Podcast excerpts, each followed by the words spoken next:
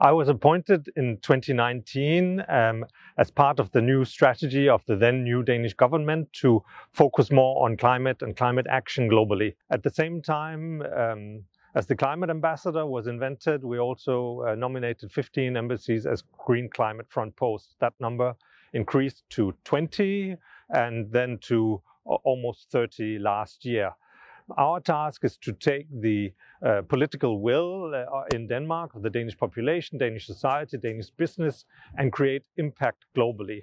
The front posts are divided between multilateral missions, uh, missions with high degree of uh, development assistance, and emerging economies and big markets for Danish green tech, where we combine green diplomacy, technical cooperation, and cooperation with the private sector and aid.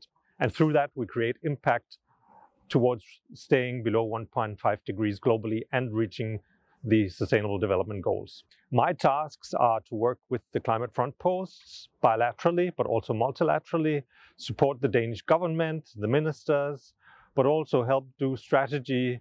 We have to deliver an annual plan of action to the Danish Parliament um, and we also work uh, in multilaterally through the UN, the multilateral development banks, uh, EU climate diplomacy, where we have a group of friends uh, led by Denmark and Germany uh, at foreign minister level.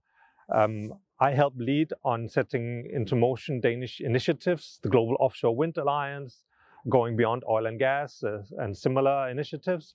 And then finally, I support the Danish negotiation team in the annual climate conferences and, of course, the ministers who go there through networking with my peers in many of the countries, uh, contacts in the UN system, and so on.